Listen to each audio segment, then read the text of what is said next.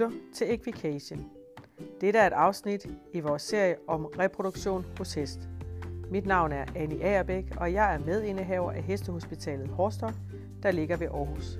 Med mig på telefonen har jeg dyrlæge Thomas Kok, som er dansk dyrlæge i Australien med 30 års erfaring i reproduktion, og som Horstok er så heldig at have et samarbejde med.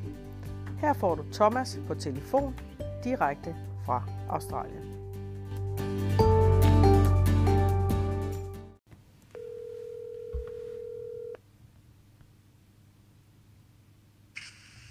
Så.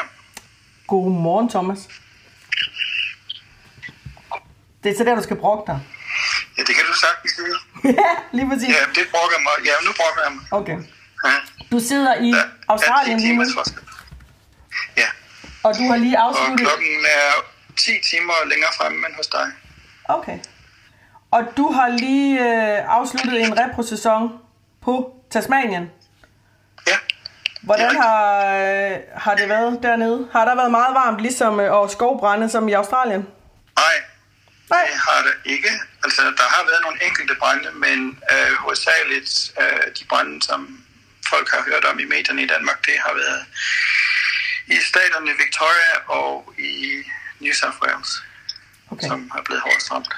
Så repro er gået fint. det eneste, jeg har haft fornøjelse af, er, øh, hvad hedder de, øh, røgskyerne, eller skal man, skal man sige røgdis, som er drevet sydpå og ned over Tasmanien. Okay. Så I sikkert kan se og lugte måske også røgen fra... Øh... Ja, mest se og eventuelt en gang imellem lugte. Okay. Ja. Og så er repro-sæsonen slut dernede nu? Det har den været nu i nogle måneder. Ja, altså den slutter, den slutter i, for fuldblodet slutter den til jul, og for de andre, der slutter den jo sådan set i løbet af, altså øh, sportsheste, der slutter den, eller ridheste, der slutter den øh, i løbet af januar. Okay, altså det er faktisk et stykke tid. Ja. Øhm, Thomas, øh, du har jo indvillet i lige at gå med til at lave lidt podcast her om reproduktion. Ja, Og, øh, og det er jo fordi, vi gerne vil øh, uddanne hesteejere, fordi vi tror på, at jo mere de ved, jo, øh, jo bedre er det for hesten, men jo billigere er det også i dyrlægeregninger. Kan du ikke fortælle, hvorfor det er en fordel at vide noget om reproduktion, hvis man gerne vil til at lave et følge, og måske aldrig har prøvet det før? Jo, altså øh, hoppens cyklus er jo kortere end, hvad skal man sige, den er øh, hos nogle andre dyrarter, det er under mennesker. Øh, cykluslængde er 21 dage. Ja. Det er der nogen, der nogle gange over, men sådan er det. Ja? Og øh, det kan være en fordel i begyndelsen af sæsonen at notere sig ned i en kalender, øh, hvornår cyklus starter og hvornår den afsluttes. Øh, Hvornår starter, Det er- altså, det hvornår bedst- er starter bedst sæsonen? Hvornår skal jeg begynde at holde øje med Ja. min hoppe for at se, om den... Øh... Det kommer lidt an på, hvad avl man er i gang med. Altså, Okay. Ridehest. øh, men, men man kunne så sige, at det er jo for en fordel, at der er opholdstemperatur udenfor, og, og græsningssæsonen er i gang, når følget øh, bliver født Ja. 11 måneder efter, at øh, hoppen er gået i fod. Ja. Øh, det, det, det, det er så ikke tilfældet, når det er fuldblodsavl. Øh, der er lidt nogle andre kriterier, der gør sig gældende. Ja. Men øh, altså, det er jo noget, man bør begynde at interessere sig for øh, i løbet af april måned. Øh, og så i hvert fald begynde at lave nogle notater i Okay. kalender. Så øh, Sådan at man kan, kan ringe til sin dyrlæge, når man er sikker på, at hoppen den, øh, har, en regulær cyklus. Men en cyklus, den var så, hvad siger du, typisk 21 dage? Ja, 21 dage. Og så, Så ligger kan også være brunst, 19, 19, 20 og 21 er acceptable. Okay. Også, altså, ja. og brunsten ligger i midten af den her cyklus, som, og brunsten er altså svarende til en ægløsning. Nej, altså den ligger jo så de sidste 5 til 7 dage inden ægløsningen af hoppen i brunst. Okay. Og hvor lang tid var en ægløsning? Altså det, det er inden for de sidste øh, 48 timer af brunsten.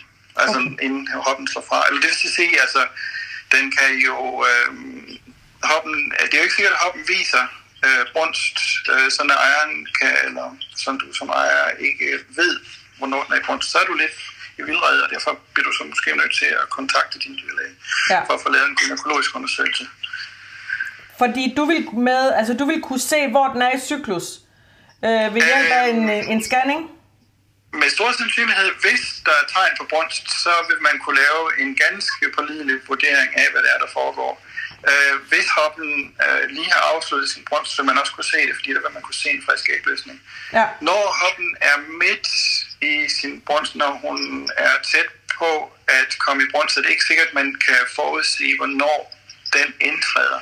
Og så kan det blive nødvendigt med to undersøgelser for at etablere, okay. hvornår starten af brunsten, eller hvornår brunsten begynder.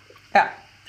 Er der forskel på, på hopperne? Jeg tænker, er det altid 21 dage, eller er det, kan det svinge meget, eller hvordan er det? Altså, ja, nej, altså selve intervallet ligger ret fast. Øhm, men så er der noget, der hedder overgangsfasen, som er overgangen fra, fra vinter til forår. Ja. Og, og der, kan man, der er det ikke sikkert, at hoppen kører øh, en regulær cyklus. Det vil sige, at hoppen ikke kommer til ægløsning, eller ægget ikke kommer til ægløsning. Øh, og, og derfor så, så går den ud af brunst, og så kommer den i brunst igen, uden at have haft en ægløsning, øh, virke, hvilket kan virke, øh, hvad skal man sige, øh, det, det, det duer ikke, fordi så kan du, hvis du begynder at, for eksempel at inseminere på det, så, så kommer du ingen vejen med det. Nej, fordi der ikke er nogen ægløsning. Nej. Ja. Så Men det er typisk det, noget, der hvis sker her- så tidligt, så kan man regne Ja. ja. ind i det problem. Og hvad så i løbet af sådan en sæson, hvis vi så siger, at, øh, at hoppen den øh, begynder at have den der, øh, de rigtige brunster, eller hvad man skal sige, øh, fra Ja. april, maj måned. Og hvad så, øh, så indtræffer de så øh, hver tredje uge øh, indtil hvornår? August, september eller hvad? Ja, altså, så, ja, det er rigtigt. Så, så kan man, altså, jo længere hen du kommer i sæsonen, jo flere uregelmæssigheder kan der komme, så når man får nogle forlængede intervaller. Okay. Men, men, men de fleste planlægger og jo, at I får deres hoppe tidligt på sæsonen. Ja. Så derfor er det vigtigt at øh, først at lave nogle kalendernotater, så man er nogenlunde sikker på, at man er på rette vej. Ja.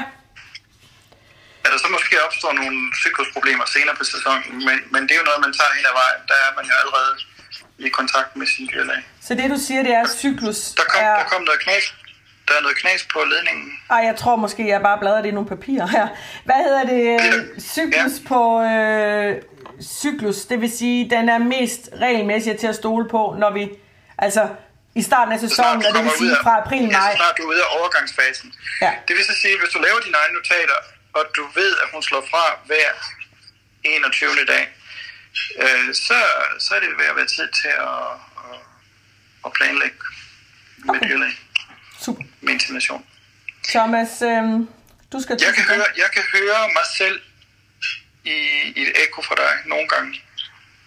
Jeg kan kun høre dig én gang. Jeg kan høre dig, eller jeg kan høre mig selv to gange. Det er, det er godt. Thomas, jeg prøver lige at øh, ringe af, og så prøver jeg at ringe til dig Jeg prøver igen. lige at lytte på det sidste. Yes, og så øh, det næste, jeg gerne vil øh, snakke med dig om, det bliver, øh, hvordan man så kan genkende den her brunst, som du siger, vi skal skrive i kalenderen. Men øh, jeg ringer lige til dig senere, skal vi ikke sige det? Det er bare orden. Det er godt. Hej. hej.